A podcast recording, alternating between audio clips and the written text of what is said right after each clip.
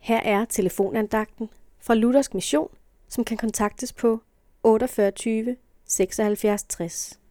Andagtsholderen i dag er Jørgen Mulberg. Bibelen taler om Guds åndskraft, både som noget førtidige og fremtidige begivenheder.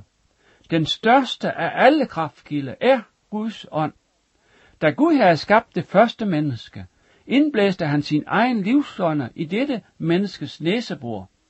Og noget fuldkommen, men dødt blev nu til det levende væsen, som det skabte lægeme kunne bruge alle sine lemmer. Liv og ånde hører sammen. Når livet så ikke længere er i lægemet, må det gå til grunde.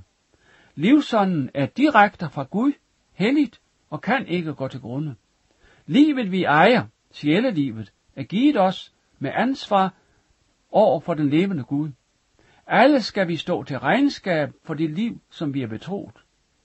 Et naturligt menneske kan gennemleve livet her, eje både kendskab og kundskab, ja være repræsentant for den højeste religiøsitet, uden at eje et åndeligt liv.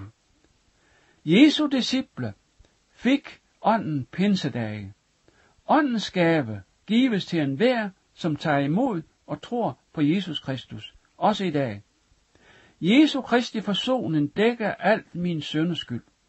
Jesus siger, ånden skal tage af mit og give det til jer. Så fungerer kristenlivet. Ligesom det livløse lægeme ikke kunne fungere uden livsånder fra Gud, sådan kan det åndelige liv ikke leves uden Helligånden. Derfor hør, og jeg sjæl skal leve. Amen.